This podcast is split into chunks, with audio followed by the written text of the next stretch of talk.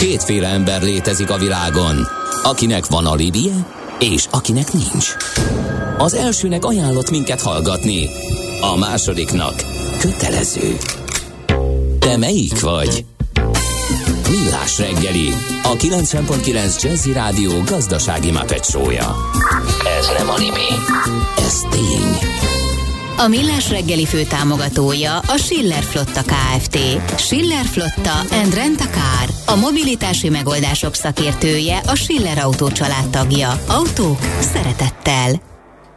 Köszöntük a, köszöntjük a kedves hallgatókat, ez a Millás reggeli 90.9 Jazzin továbbra is Kántor Endrével. És Gede Balázsral. És uh, kaptunk egy olyan üzenetet a 0630 2010 909-re egy hallgatótól, hogy hát ha Kántor a kutya gördeszkával gedemacskáit üldözi, akkor tanácsot a kutya szánhajtásban járatos ástól kérjen. Ez ám a szép kombó, mi? Igen. Öm, ő szerintem nem járatos annyira, de volt egy kutyaszánhajtós ö, vendégünk az éptestben rovatban, ő vele beszélgettünk erről. Hát az ács, ács is hajtott kutyát. Ja, hát egyszer, de hát nem járatos egyszer. benne. Hát, a Mihálovicsal hajtották is, meg most ja, tényleg, külön is. Ja, külön is volt, igaz, most, most valóban külön is volt. Volt béneivel is kutyát igen, hajtani, vagy igen, szánt igen, hajtani igen, kutyával, vagy hogy van ez. Mindig is ezt szerette volna csinálni szerintem. Igen, Egyfolytában igen. ezekről az északi sarki, meg déli sarki kalandokról beszél. Igen. Budapest legfrissebb közlekedési hírei, itt a 90.9 jazz Két baleset is van. Most történt egy pár perce a Lehel utcában kifelé, a Lehel térre balra kanyarodó sávban, illetve az Egér úton befelé, a Péterhegyi út irányában, a Balatoni út után történt baleset. Aztán Göndör hallgató írja, hogy az M0, M7 és, ja nem, M0, M7 felé M5-től arra szól, és hát ez egy korábbi üzenet, nem tudom, így van-e még egy jó fél órás, 40 perces az Erzsébet híd, Rákóczi út, Fogarasi útvonalon a korai időponthoz képest, amikor a és amikor a végéhez képest is szokatlanul nagy a forgalom már, írta egy kedves hallgató és azt nézem, hogy van-e még egyéb. A hallgatóktól talán nincs, megnézzük az útinformatot, ők azt írják, hogy több jármű karambolozott az m 0 autó déli szektorán, ez lesz az, amit írt a hallgató is. Az ötös főúti csomópontnál az M1-es autópálya irányába a 23-as kilométernél a sérült járművek már leálló sávon vesztegelnek, de továbbra is lassú a haladás. Jobb, ha az ember a dolgok elébe megy, mert azok aztán nem mindig jönnek helybe. Millás reggeli. Automatizációról, digitalizációról sokat beszélgetünk, és vannak olyan hangok, amikor félnek a munkavállalók. A, a Igen, hát ez a klasszikus Igen. sztori, de szerintem nagyon sok olyan meló van, amit szívesen adnánk robotoknak. Például ilyen lehet a bejövő számlák feldolgozása. Por Károly van itt velünk a vonalban, a Dataxo Group vezérigazgatója. Jó reggelt kívánunk! Jó reggelt kívánok, üdvözlöm a hallgatókat. Jó reggelt! Mielőtt belecsapnánk a, a, a lényegbe, meg digitalizáció, meg dokumentumfeldolgozás, a dataxót egy picit magyarázzuk, mert újnak tűnhet azoknak, akik adóinformatikai híreket így fogyasztanak, vagy találkoznak ilyen cégekkel, de valójában a cég nem új. Hát igen, a cég nem új, SDSIS néven futott nagyon sokáig és úgy döntöttünk, hogy, hogy a nevet leváltjuk. Ez a név úgy megtetszett nekünk, és kicsit felfrissítettük magunkat, ha már a, a robotizáció felé megyünk, kicsit mi is innováltunk, ha már névben is. Aha, ez ugye három, három szóból összerakott mozaik szó, a, a data, a text és a Szó, a solution, igen. igen. Nekem a vissza kellett fejteni. Olyan, olyan nagyon fancy. Igen, igen, igen, abszolút. Hát itt aztán most lesznek a beszélgetés alatt, majd kiderül, hogy mennyi minden. Na igen, ahogy kezdtük a bevezetőt, ugye, ugye van ez a veszély, vagy veszélyérzet a, a dolgozókban, hogy hát jönnek az algoritmusok, a robotok, és hát jaj, mi lesz a munkánkkal. De ugye azt is hozzászoktuk tenni most már, hogy az ilyen repetitív, unalmas, ismétlődő munkafolyamatokat azért nem fogjuk bánni, hogyha lepasszolhatjuk a, a a, az algoritmusoknak? Gyakorlatilag, ha belegondoltok, hogy belegondolnak a rádió hallgatók, az elmúlt pár száz év azért erről szólt. Tehát Igen. amikor az első ipari forradalomban jöttek a szövőgépek, és akkor a, a, a drága britek fogták és felgyújtották őket, most már azért nem tartunk ott, hogy laptopokat látunk, meg szervereket kiaigálni az ablakokba, tehát azért most már az automatizáció vagy a, a robotizáció sokkal elfogadottabb dolog. Viszont mivel egyre mélyebben, egyre több napi szintű folyamatban például mondjuk a pénzügyi adminisztráció területén is elérhetőek ezek a robotizációk, vagy automatizmusok, így sok kérdés felmerül már a, hétköznapi munkában, hiszen csak ha belegondolunk egy számla feldolgozásba, ami hát nem is tudom, gyakorlatilag mióta működnek olyanok, hogy vállalkozások jönnek számlák, amiket ki kell előbb-utóbb fizetni. Ez mindenhol már egy meglévő folyamat, és uh, sajtottunk odáig, hogy ez már gyakran bármelyik kis változás számára, vagy nagy változás számára is elérhető. Az, az adóinformatikában talán ez a leg, legrémesebb, ez a dokumentumfeldolgozás és legunalmasabb, amit jó lenne, illetve jó, hogyha kivált az automatizáció, mert hogy ez már azért itt van. Hát ki tudja váltani, tehát hogy elérhető pénzügyileg sem egy megterhelő dolog, biztonságos, pontos, tehát azokat a hibákat, amiket mondjuk 20 éve elvétettek mondjuk még az akkori technológiák, a mai technológiákkal ezeket nem, nem, nem kell, hogy elvétsük, és olyan jók ezek az integrációk is ma már, hogy gyakorlatilag nincsenek olyan problémák, kompatibilitási problémák, amivel mondjuk régen küzdöttek a cégek. Tehát gyakorlatilag, ha ma valaki szeretné gyorsan, egy ilyen, hát nagyon csúnya szavat, szót fogok mondani szép magyarosan, ilyen quick winekben gondolkodva egy, egy automatizációval elindítani mondjuk a pénzügyi adminisztrációját, akkor a számlafeldolgozás a leggyorsabban bevezethető dolog. A kollégák nagyon örülnek neki jellemzően, mert nem kell foglalkozniuk a számláknak a kalapácsolásával, annak a monotonitásával, és a meglévő felszabadult idővel pedig majd elkezdünk sáfárkodni, de ez Igen. igazából az egyik legnagyobb kihívás. Ez hogy működik már mint konkrétan? Tehát ez a folyamat, hogy van egy ilyen tálca, amiben be tudom tenni ömlesztve az ilyen hőpapíros life kezdve a, az A4-es méretű rendes nyomtatott bizonylatot, és ez így szépen így adagolja, szívja be, fotokopizza, majd visszakódolja a karakterekre. Mi történik? Hát bár, bár szerencsére ennyire csak a háttérben bonyolult, alapvetően nagyon egyszerű a megoldás, mert ugyanúgy, mint eddig jönnek a számlák bármilyen úton, módon. Tehát mindegy, hogy hőpapír, mindegy, hogy PDF, mindegy, hogy bármilyen információs csomag, ezt, a, ezt oda kell adni, meg kell mondani a rendszernek, hogy hol találja meg. Ha ez egy mappa, ha ez egy felhő alapú, ilyen Google Drive, Dropbox, az is teljesen jó. Most nem fog három betűs dolgokat mondani, mert csak mindenkit elriasztunk, Igen. de bármilyen úton, módon ezeket a rendszer látja. A rendszer ezeket földolgozza függetlenül, hogy milyen halmazállapotú a számla, milyen nyelvű a számla, teljesen mindegy. Százszázalékos pontossággal odaadja annak a rendszernek, aminek megmondjuk, hogy minek adja oda. Tehát a végeredményként azt fogja látni a felhasználó, hogy mint ő töltötte volna ki. Tehát a, van egy partner, úgy mondta, hogy ez egy ilyen magic, egy ilyen varázslat, hogy hi ott vannak az adatok, pedig hozzá sem nyúltam. És ilyenkor szoktak megrémülni, hogy úristen, nem tudjuk, hogy mi történt a háttérben, biztosan jól működik-e. Igen. Igen, mert volt, volt szó arról, hogy, hogy, hogy mennyire megbízhatóan és gyorsan is jól működnek, de ugye a, az alkalmazott az szeretné a saját ö, szemével meggyőződni, szeretne erről. Pár hét után, nagyon érdekes pár hét használat után gyakorlatilag már, ha el, elveszük tőle ezt az alkalmazást, már, már nekünk is volt olyan kolléga, akivel ez Elvonási tünet. belül. Hát ő könyörgött, hogy kéri vissza, igen, nagyon gyorsan. Tehát, Jó. Mert, igen, ez egy igen ezt gondoltam egyébként, hogy ez lesz, mert ez a favágás, az borzasztó uh, bürokrácia, uh, de hogy akkor mi az, ami miatt mégiscsak megakad a digitalizációs folyamat uh, a, a cégeken belül, vagy az Illetve a digitalizációs folyamaton belül az automatizáció. automatizáció igen. Igen, igen, és, és, és köszönöm, hogy így fogalmaztátok meg, mert nagyon nagy különbség van a kettő között, de most nem fogunk nagyon elmérni az automatizáció, digitalizációknak a nagy, nagy különbségeiben. Igazából ami miatt megakad a dolog, az két igazából teljesen alapvető emberi tulajdonság. Az egyik, hogy, hogy felszabadul emberi erő, emberi idő, amit be kell valahogy osztani. És van egy ilyen típusú gyakorlati tapasztalatunk, hogy, hogy oké, okay, mit csináljunk a kollégával, mit csináljunk a kolléga idejével, és akkor számtalan lehetőségünk van. Át tudjuk őt képezni, tehát egy adminisztrátorban lehet mondjuk egy könyvelői asszisztens, akár lehet könyvelő. Ha ezt a könyvelő csinálta, mondjuk el tud controlling jellegű feladatokkal kezdeni foglalkozni.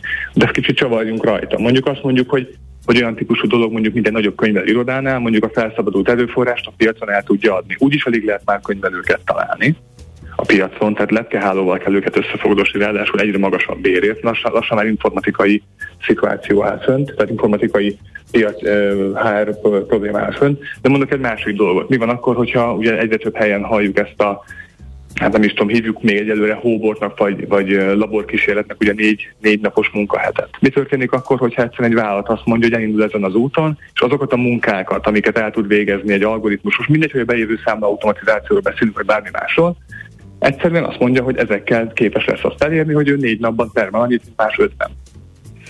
Uh-huh. Ki, egyébként ez, ez, kiről beszélünk? Ki a célcsoport? A könyvelőirodák, hogyha már nevesítettük a könyvelőket, vagy a cégek, akik esetleg fel tudják dolgozni a bejövő számlákat, és azt utána már tálalják a könyvelőnek, hogy abból adatot készítve, vagy már az adatot föl tudja dolgozni, és tudjon könyvelni? Hát azt látjuk, hogy alapvetően a, a, a könyvelőknek az a szegmens, ahol nagyjából 8-10 könyvelő vagy adminisztrátor effektív ezzel foglalkozik, tehát ez mondjuk a dolga. Tehát láttunk olyan irodát, ahol kiszámoltuk is ilyen 4-6 ezer óra per év az az idő, amit azzal töltenek, hogy analóg adatokról adatokat vesz, ö, igen, tehát hívjuk úgy, hogy elektronizálnak vagy digitalizálnak, és ebben semmi automatizmus nincsen. Még akkor is, hogy használják a naptól jövő adatokat visszafelé, ez így lett 6000 óra. Meg azok a közepes nagyobb vállalatok, ahol nagyon nagy mennyiségű bejövő számla van, 4 ezer számlától fölfelé a csillagos égig. Tehát ott tud érdemi eredményt elérni a dolog, és ott tud ott tud igazán hatékonyságot növelni, és ott tudjunk igazából a második emberi tényezővel foglalkozni, ami az a digitalizáció másik problémaköre, az az, hogy az a típusú félelem, hogy mi fog velem történni, hogyha jön mellém egy automatizmus. Mit fogok kezdeni én az időmmel, mert én azért vagyok itt, hogy, hogy adatot rögzítsek, úristen, mi fog velem történni. Saját házon belül példát tudunk mondani, az mi egyik kollégánknak nagy segítség volt abban, hogy ő például magasabb szintre tudott lépni a munkájában, és ő most már az ügyfeleket szolgálja ki, és ő most például a supportot vezeti nálunk. Aha. Tehát, hogy nagyon érdekes utakat tudnak a kollégák bejárni. Világos. Csak ez kell megfelelő menedzsment, aki ebben támogatja őket. Tehát Én akkor jól értjük... már a HR osztály is figyel erre, mert aki elkezd így akadékoskodni, az Igen. kiszűrik, mint a, a lustát, aki egyébként nem akar dolgozni. Mit fogok én csinálni? Nem, nem lesz munkám. Tehát, hmm. Igen. Tehát akkor jól értjük, hogy több, több ezer havi bizonylattól ö, érdemes bevezetni egy ilyen rendszert. Hát ez a, ez a, ez a, az a havi 500 már, az egy elég durva. Ja, havi 500. Nem tudom, nem uh-huh. tudom, bármikor rögzítettetek-e föl számlát. Igen. Azért, igen, de én, én vagyok itt. Az... Én úgy megijedtem a havi ezertől, hogy az én... nekem egy, a, leg, a legrosszabb Én vagyok rémálom. a számla rögzítő a stábon belül, tessék sajnálni, de nem érjük el sajnos ezt a szintet ahhoz, hogy bevezet. Tehát pont marad, maradok így rabszolga. De viszont kérdezi egy kedves hallgató, hogy ö, mennyi idő és milyen költségvonzata van a rendszer bevezetésének? De, és itt most nehogy konkrét összeget mondjunk, mert nem akarunk reklámot, csak hogy így nagyságrendileg próbáljuk elhelyezni azt, hogy, hogy mennyi a Hát ha nagyon marketingesek szeretnénk tenni, akkor pár hét is nagyon olcsó, de nyilván nem erről van szó. A, egy, egy, teljesen normális projekt általában egy-két hónap. Aha. A bevezetés, tehát onnantól fogva, hogy megvan a megállapodás, tud működni. A költség szintjét, hogyha most szeretnénk ilyen számlára bontani, most muszáj eurós árat mondani, mert az egy, az egy nagyon izgalmas dolog, ez egy euró vagy az alatt per számla. Aha. A rögzítés. És nyilvánvalóan ez a számla mennyiségétől, mert nagyon sok minden egyébtől is függ, de, de egy nagyságrendet csak, hogy tudj, tudjunk... Világos, és akkor abból mindenki kiszámolhatja magának, hogy hány embert tud, mármint mennyi uh, humán munkaórát tud Igen. ezzel megtakarítani, és hogy megéri, nem éri alapvetően. Nyilván az jön ki, ahogy beszéltünk, vagy amit mondtál, hogy a nagy mennyiség bizonylatnál egyre hatékonyabb a rendszer, tehát egyre jobban megéri. A, matek mindig kijön, de most mondok egy másik példát, ami, ami jól szemlélteti szerintem, hogy nem biztos, hogy közgazdaságilag érdemes mindig az ilyet megközelíteni. Nézzük mondjuk a hírlevélküldést. Azt uh-huh. mindenki tudja, hogy a hírlevélküldő rendszerek manapság már mindenhol vannak. Tehát a legkisebb cég is ö, automatikusan küldi ki a hírleveleket. Én még emlékszem arra, amikor mi még Ctrl-C, Ctrl-V-vel Excel táblából dobáltuk befele egyenként a címeket, és címeztük meg egyenként, hogy kedves Ferenc, ja, kedves tényleg. József, kedves Titanilla. Ugye volt egy ilyen korszak. Ma már elképzelhetetlen, még egy marketinges munkájában az, hogy ezt csinálja meg. Tehát ha interjún is azt mondanánk neki, hogy figyelj, van egy 12 ezeres listánk, hetente küldünk hírlevelet, két napot csak azzal fog eltenni, hogy ezt fölrag, föláll és elmegy. Tehát nem logikus már, és nem életszerű ez a típusú dolog, mert annyira kényelmessé vált, és annyira elérhetőek ezek az automatizmusok, hogy eszünk, eszébe nem jut mondjuk valakinek, hogy egyenként küldjön ki hírleveleket. Most ezt a részt érjük mondjuk a pénzügyi szektorban is, hogy ma még ilyen, mi még nekünk erről beszélgetnünk kell alapvetően, hogy ez a számla automatizálás, ez hogyan zajlik. Pár év múlva megfordul a dolog, és én átok még nem automatikus a számla feldolgozás. Úristen! Uh-huh. Tehát ez, ez, ez lesz most a trendje ennek a dolognak. Uh, ugye azzal kezdtük a beszélgetést, hogy a robotok elveszik a, a, a munkánkat.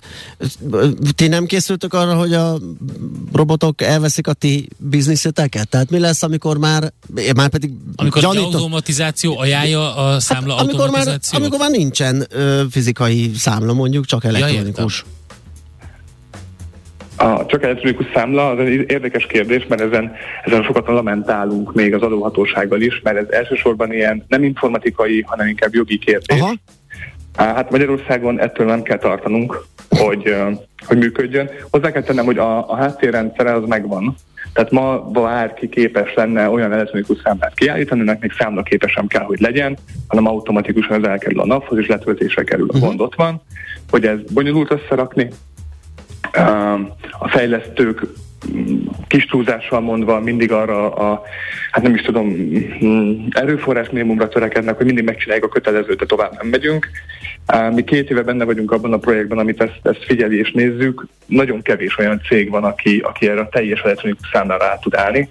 Én örülnék amúgy neki, tehát um, hozzá kell tennem, hogy mind szakmailag, mind egyéb okból az nem lenne egy rossz dolog, ha ez így tudna működni, mert ez egy tényleg akár európai szintű um, könnyebbség lenne a uh-huh. vállalatoknak, hogy nem kell ezekkel a dolgokkal foglalkozni, de ezt ki kell várnunk. Most látjuk, hogy a környező országokban is mi történik, sehol, de sehol nem lesz száz százalékban leautomatizálva ez a típusú történet, mert vannak olyan EU-s irányelvek, és nem megyek bele most tényleg jogszabály szinten, amik egyszerűen megtiltják az adóhatóságoknak, hogy mondjuk a számla minden elemét Aha. elkérjék a számláról. Tehát a magyar adóhatóság is csak azokat az információkat kéri be, ami neki az áfa ellenőrzéshez szükséges. Semmivel se többet. Be lehet küldeni, tehát többet küldhet, küldhet neki nem kell, nem fogja elvenni, viszont gyakorlatilag ezt a, ezt a platformot még nagyon kevesen használják. Világos. Uh, ugyanakkor, amikor most mindjárt átgondolva, hogy beszélgettünk itt a, az automatizációról és arról, hogy felszabadulhat munkaerő, ez egyben akár a nem meglévő munkaerőt is tudja helyettesíteni, tehát egy munkaerő hiányos helyzetben, ugye amit említette, hogy, hogy a könyvelői szakma már lassan úgy néz ki, mint az IT, ez, ez, ez ezt is hivatott szolgálni, vagy ezt is tudja képviselni. Nagyon erős a trendje, a, a, főleg az ebben a munkakörben dolgozóknak két dolgot látunk, hogy főleg hölgyek töltik be ezeket a Aha. pozíciókat, és a, a korfal erőteljesen az 50-60 pluszosok felé van eltolódva, tehát a következő 10 évben rengetegen mennek nyugdíjba, a fiatal korosztály szempontjából meg ez a szakma, hát nem a legszexibb szakma, fogalmazunk nagyon akár bulgárisan is, illetve aki benne van, az előbb-utóbb, hála jó Istennek lehet, hogy úgy dönt, hogy gyermeket vállal, tehát biztos, hogy ki fog esni hónapokra, vagy akár évekre is. Több olyan gyakorlati projektünk is van, ahol annyi volt a kérés, hogy a következő tíz évben látják ennek a tendenciáját, és nem szeretnének új embereket felvenni, a régiek elmennek nyugdíjba, az újak nyugodtan el tudnak menni természetesen szülési szabadságra, a rendszer pedig a geppeket nagyon szépen át tudja hidalni, és fel tudja oldani. Nem egy csodaszerről beszélgetünk, tehát hogy nem oldja meg mondjuk azokat a struktúrális problémákat, hogy teljesen automatizáljuk a könyvelést, viszont jól elő tudja készíteni a munkaerő szempontjából egy nagyon jó kiegészítő szolgáltatás, amivel hát jobb az élet. Az egyik kollég úgy fogalmazta meg, vagy az egyik partner, hogy egy olyan irodát szeretne, Ausztriában van, hogy a kollégák négykor hazamehetnek, könyveli zárási időszakkor mindenki teljesen nyugodt, nem égnek ki a kollégák, és a fluktuációt lecsökkenti arra minimumra, ami amúgy egy, egy normális üzletmenetben megvan. Tehát egy élhető vállalatot lehet vele építeni. És szerintem ma azt mondjuk, hogy fenntarthatóság, még élhető vállalat, meg egyebek, uh-huh. ilyen kulcsszavakkal dobálózunk, akkor ezek a típusú, hívjuk algoritmusnak, robotnak, automatizációnak, mindegy melyiket mondjuk, ezek ebben segítenek minket. Világos. Ez a rész ökoszisztémánk hát, és a kultúránk része kell, hogy legyen. Leegyszerűsítve akkor ez nem egy autópilóta, hanem egy nagyon jól működő, nyomkövetős, távolságtartós tempomat. Kényelmesebb bele menni. És, és az, de nem, nem, nem azt jelenti, hogyha valaki implementálja ezt a szolgáltatást, akkor működik a cég magától, azért attól messze nem. van. Sőt, még a rendszer nem, működésére is, is térjünk vissza, nem célja, mert persze. két hallgatói kérdés is van, amire érdemes kitérni. Az egyik, hogy meglévő adatrögzítő vagy adatfeldolgozó rendszerekhez, hogy illeszthető Igen, kompatibilitás ez. nagyon fontos. Igen, de hogy... az elején szerintem ezt mondtad.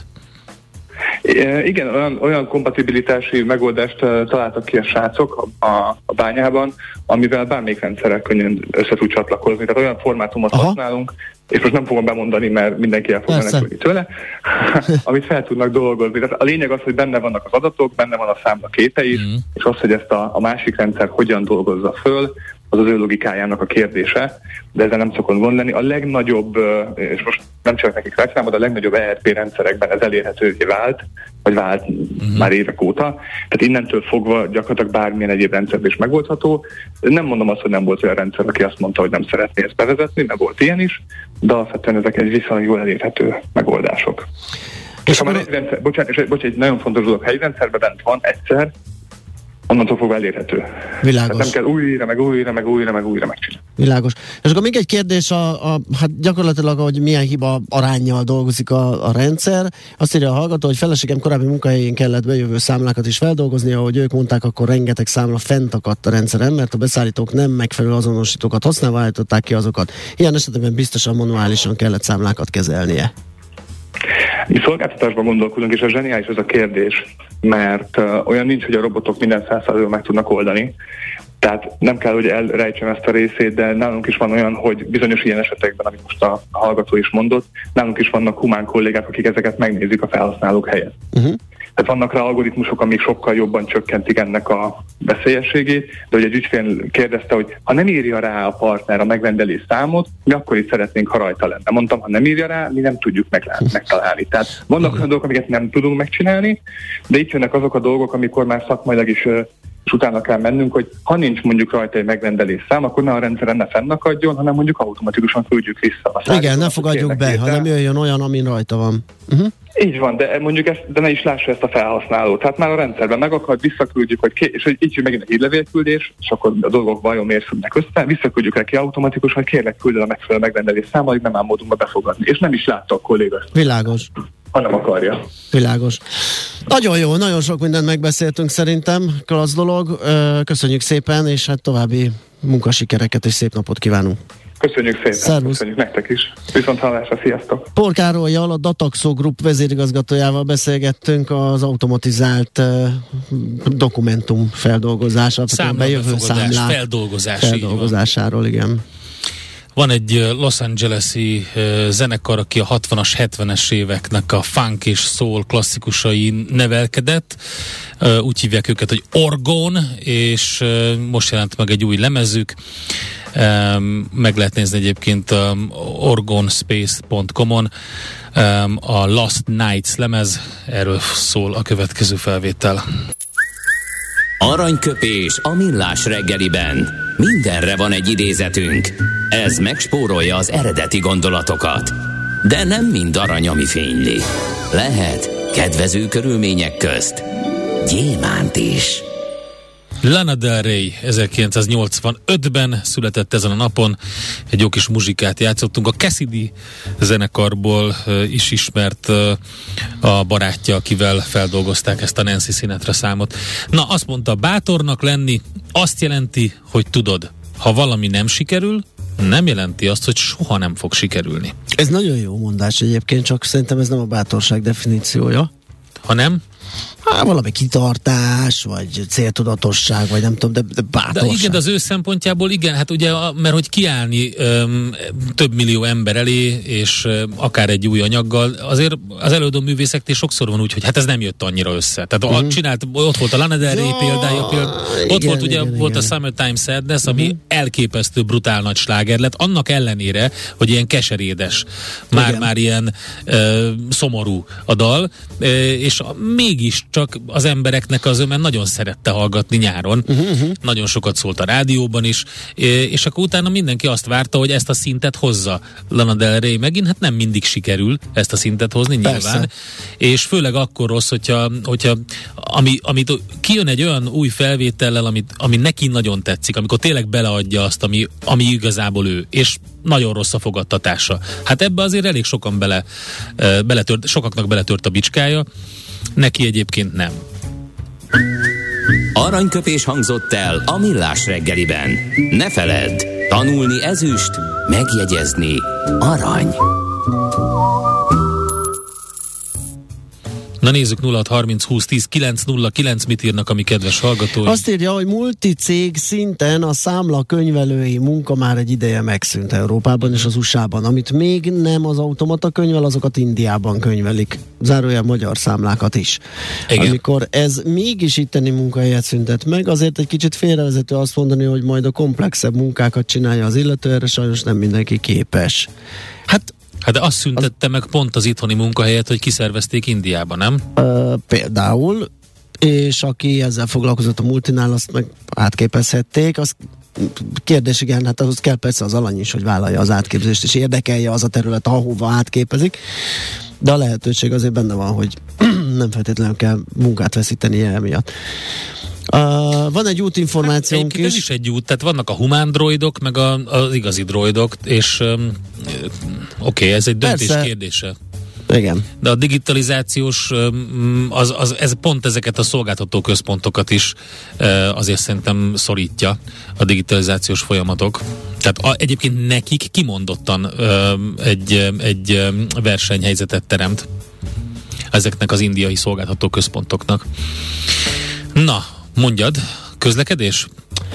Van egy közlekedés, az m 0 a Dunakeszi hajtónál van egy kb. 150 méter, ahol valamelyik csodás szlovák adó úgy bezar... Ja, hát ezt tudjuk, igen. ezt tudjuk, ezt köszi. Ez az egy más. nagyon régi probléma, és mm, sajnos... Az egy, igen. Nem, ö, nem tudjuk orvosolni. Na, azt, mondja, azt írja egy hallgató, szívesen meghallgatnám este 8 az okosutas, de nem fogok ráérni. Jó lenne ezért, ha a fapados mester holnapra feltölteni a podcastet, de sajnos még az egy héttel korábbi adás sem elérhető. Ennek az okosutasnak csak úgy lenne értelme a 21. században, az adás után max. egy napon belül online is elérhető lenne.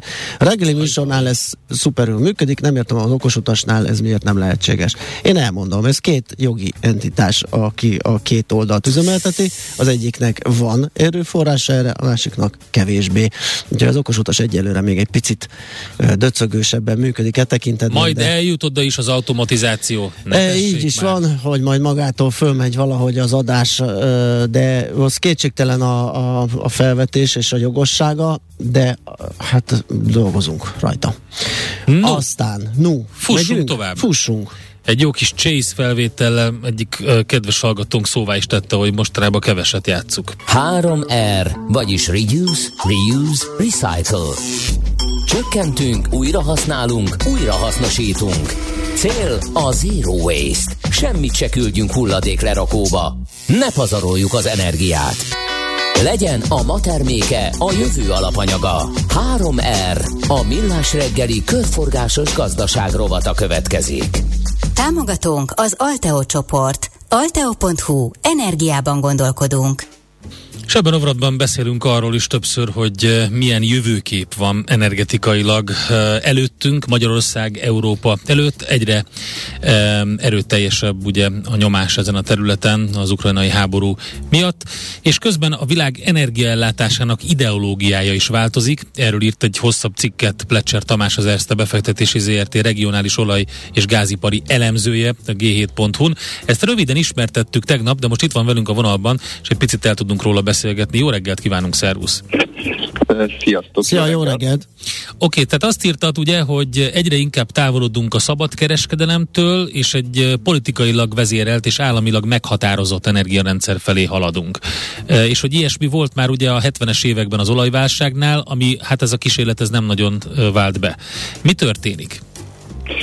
Igen, gyakorlatilag ugyanerről van most szó. Ugye itt az ellátásbiztonság egyre fontosabbá válik, mivel hogy a világban nagyon szűkösek a kapacitások, amelyek az egyes energiahordozókat érintik, és ilyenkor előtérbe kerül az, hogy inkább az államok legyenek azok, amelyek az elosztást végzik, illetve hát szükség van az energiabiztonság miatt például olyan beruházásokra, amelyeket gyakorlatilag a privát szféra nem szívesen tesz meg, itt is egyfajta állami ösztönzőre, vagy éppen korbásra van szükség, hogy ezek a cégek ezeket a lépéseket megtegyék. Úgyhogy ezeket látom most itt a világban. Mi az, ami most um, meghozhatja a sikert, hogyha akkor, amikor ezt először kipróbáltuk, a, akkor nem uh, működött? Hát nagyon fontos az, hogy ebbe a szituációba is azért a szabályozó, az állam észnél legyen, és egy olyan szabályozást hozzon azért létre, amely nem hoz jelentős torzításokat magával, tehát például olyan beruházások legyenek, vagy jöjjenek létre, amelyek valóban szükségesek ahhoz, hogy az ellátás biztonság növekedjen, és ne olyanok jöjjenek létre, amelyek egyébként nem feltétlenül szükségesek. Tehát nyilván egy piaci szabályozás ilyen szempontból sokkal sikeresebb tud lenni, hiszen ott azért a belső önérdek a sokkal erőteljesebb vezérlő el, mint, akkor egy bürokrata mondja meg, hogy éppen mit kellene a piacon tenni. Ugye azért is érdemes lehet az állami beavatkozásnak egyre nagyobb teret adni, mert hogy te is rávilágítottál, és korábban más um, szerzők, elemzők pedig az ESG terjedésére fog rakták, hogy kevesebb finanszírozás jut a, az olajiparra, de önmagába véve is az olaj kitermelők, feldolgozók egyre kevésbé költenek rá, hiszen egy ilyen úgymond kifutó technológiáról beszélnek, és hát nyilván nagy összegeket már nem akarnak belerakni, hogyha ez ennek már csak egy pár évtizedes ö, távlata van, tehát gyaníthatóan ezért is kell most már innentől valami folyamatos állami ö, támogatás ahhoz, hogy az utolsó cseppig egy fenntartható ellátásbiztonság meglegyen.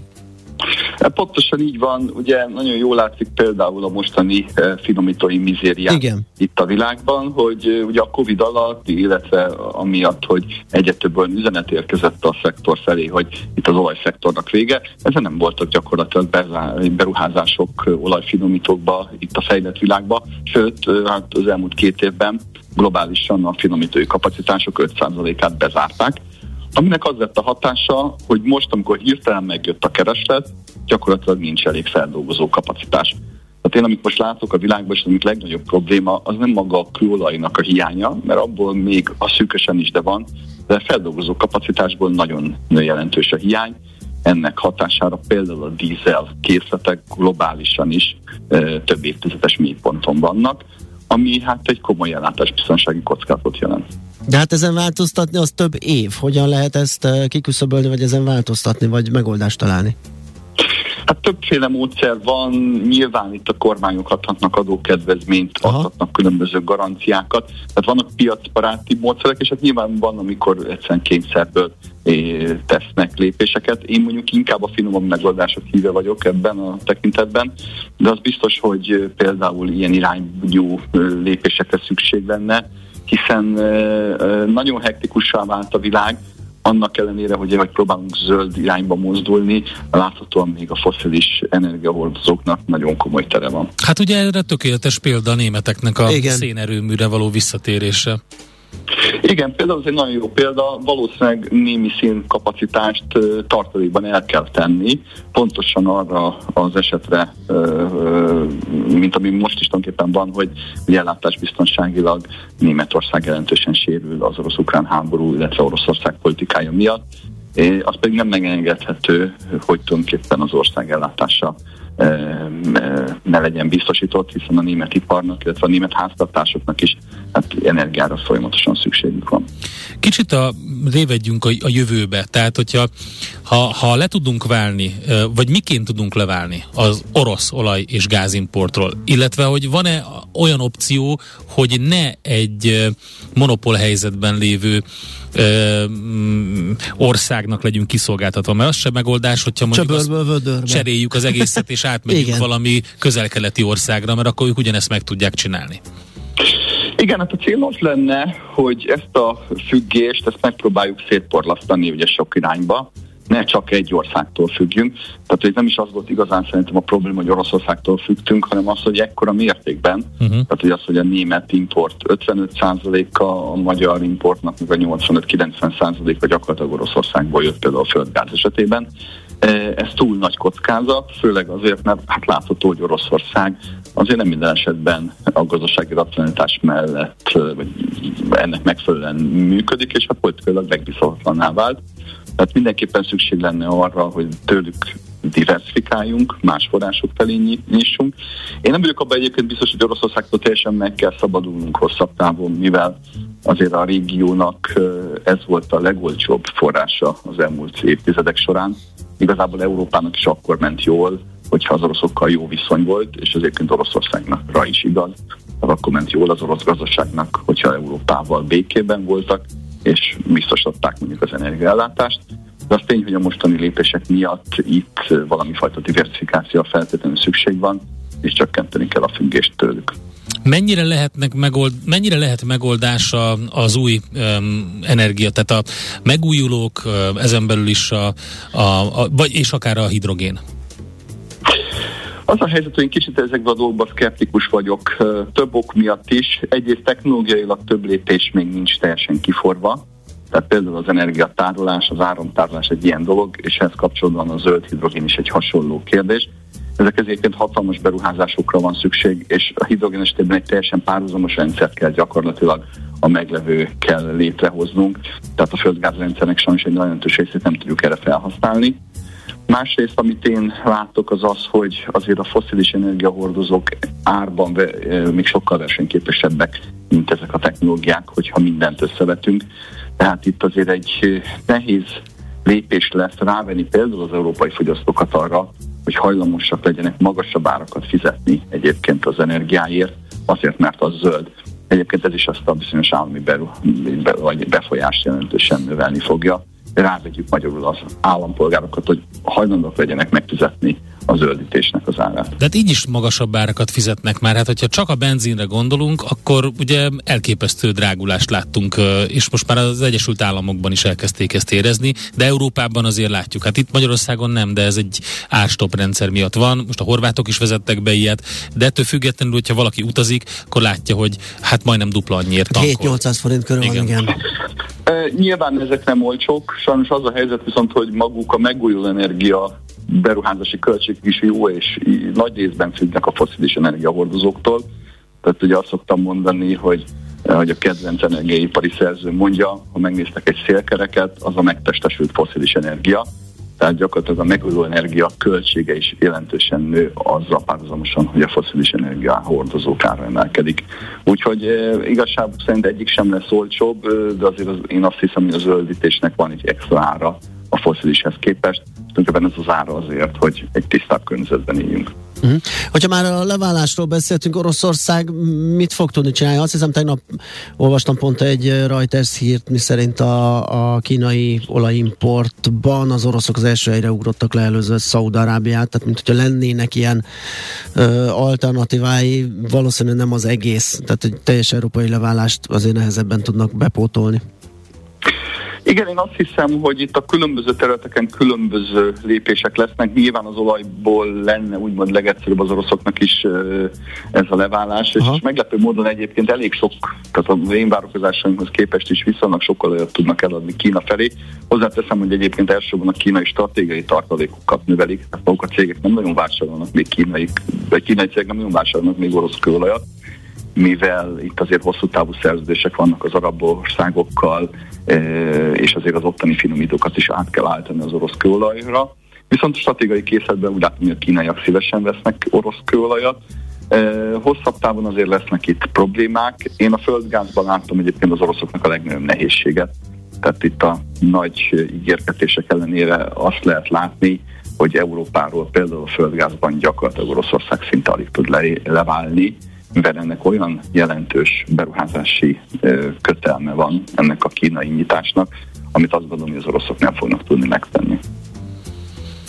Hát érdekes, amit mondasz, elgondolkodtató. Abszolút. Aki bővebben akarja a cikkedet olvasni, a g7.hu-n megteheti. Nem a gáznál a legfájdalmasabb a szakítás Oroszországgal címmel. Tamás, köszönjük szépen. Köszi szépen, szép napot! Köszönöm. Szia! Plecser Tamással az Erste befektetési ZRT regionális olaj- és gázipari elemzőjével beszélgettünk. A körforgásos gazdaság több, mint újrahasznosítás. Egy értékláncokon és iparágakon átívelő gazdasági modell, amelyben nincsenek hulladékok. 3R. A millás reggeli körforgásos gazdaság rovata hangzott el. Támogatónk az Alteo csoport. Alteo.hu. Energiában gondolkodunk. Hát hamarosan jön uh, Katona Csaba, és uh, egy nagyon érdekes témát vett elő. 200 évvel ezelőtt, uh, június 25-én lesz pontosan 200 éve, hogy Berlinben elhunyt Ernst Theodor Amadeus Hoffmann. Eta Hoffmann. Eta Hoffmann, ahogy mindenki Igen. ismeri. A német romantika kiemelkedő írója, Róla fogunk hallani Katona Csabától, ő foglalja össze, mit kell róla tudni az életművéről, és úgy általában az életéről, úgyhogy mesél a múlt rovatunkban ez lesz. Úgy, és ja, és 9 óra után még egy, még egy izgalmas témánk van Kult Mogul rovatunkban. Egy kis magyar cég a hollywoodi szuperprodukciók mögött, az Epic Creations egyik alapítójával beszélgettünk. Ah, most bizonyám, látom, bizonyám. Ők, ők azok, akiknek ja. nagyon sok uh, alkotását, mindenféle uh, kiegészítő kelléket lehet látni komoly hollywoodi filmekben. Legutóbb a nagy uh, dobbanás náluk az Uncharted volt uh-huh. mozikban, ahol nagyon sok jelenetben lehetett látni azt a sok dobozt és ládát, amin Igen. Tom Holland kapaszkodott a levegőben, még a plakátokon is meg. Igen, ők ehhez értenek, hogy nehéznek és keménynek tűnő cuccokat csinálnak meg, nem nehézre és nem keményre, viszont mégis úgy viselkednek, mint Nagyon jó pofa. Igen, azok lennének. Egy kis garázs cégből indult, és most már elég sok mindenben uh, vannak benne, de ezt majd elmondja Susz Dániel. Műsorunkban termék megjelenítést hallhattak. Nézz is! Ne csak hallgass! millásreggeli.hu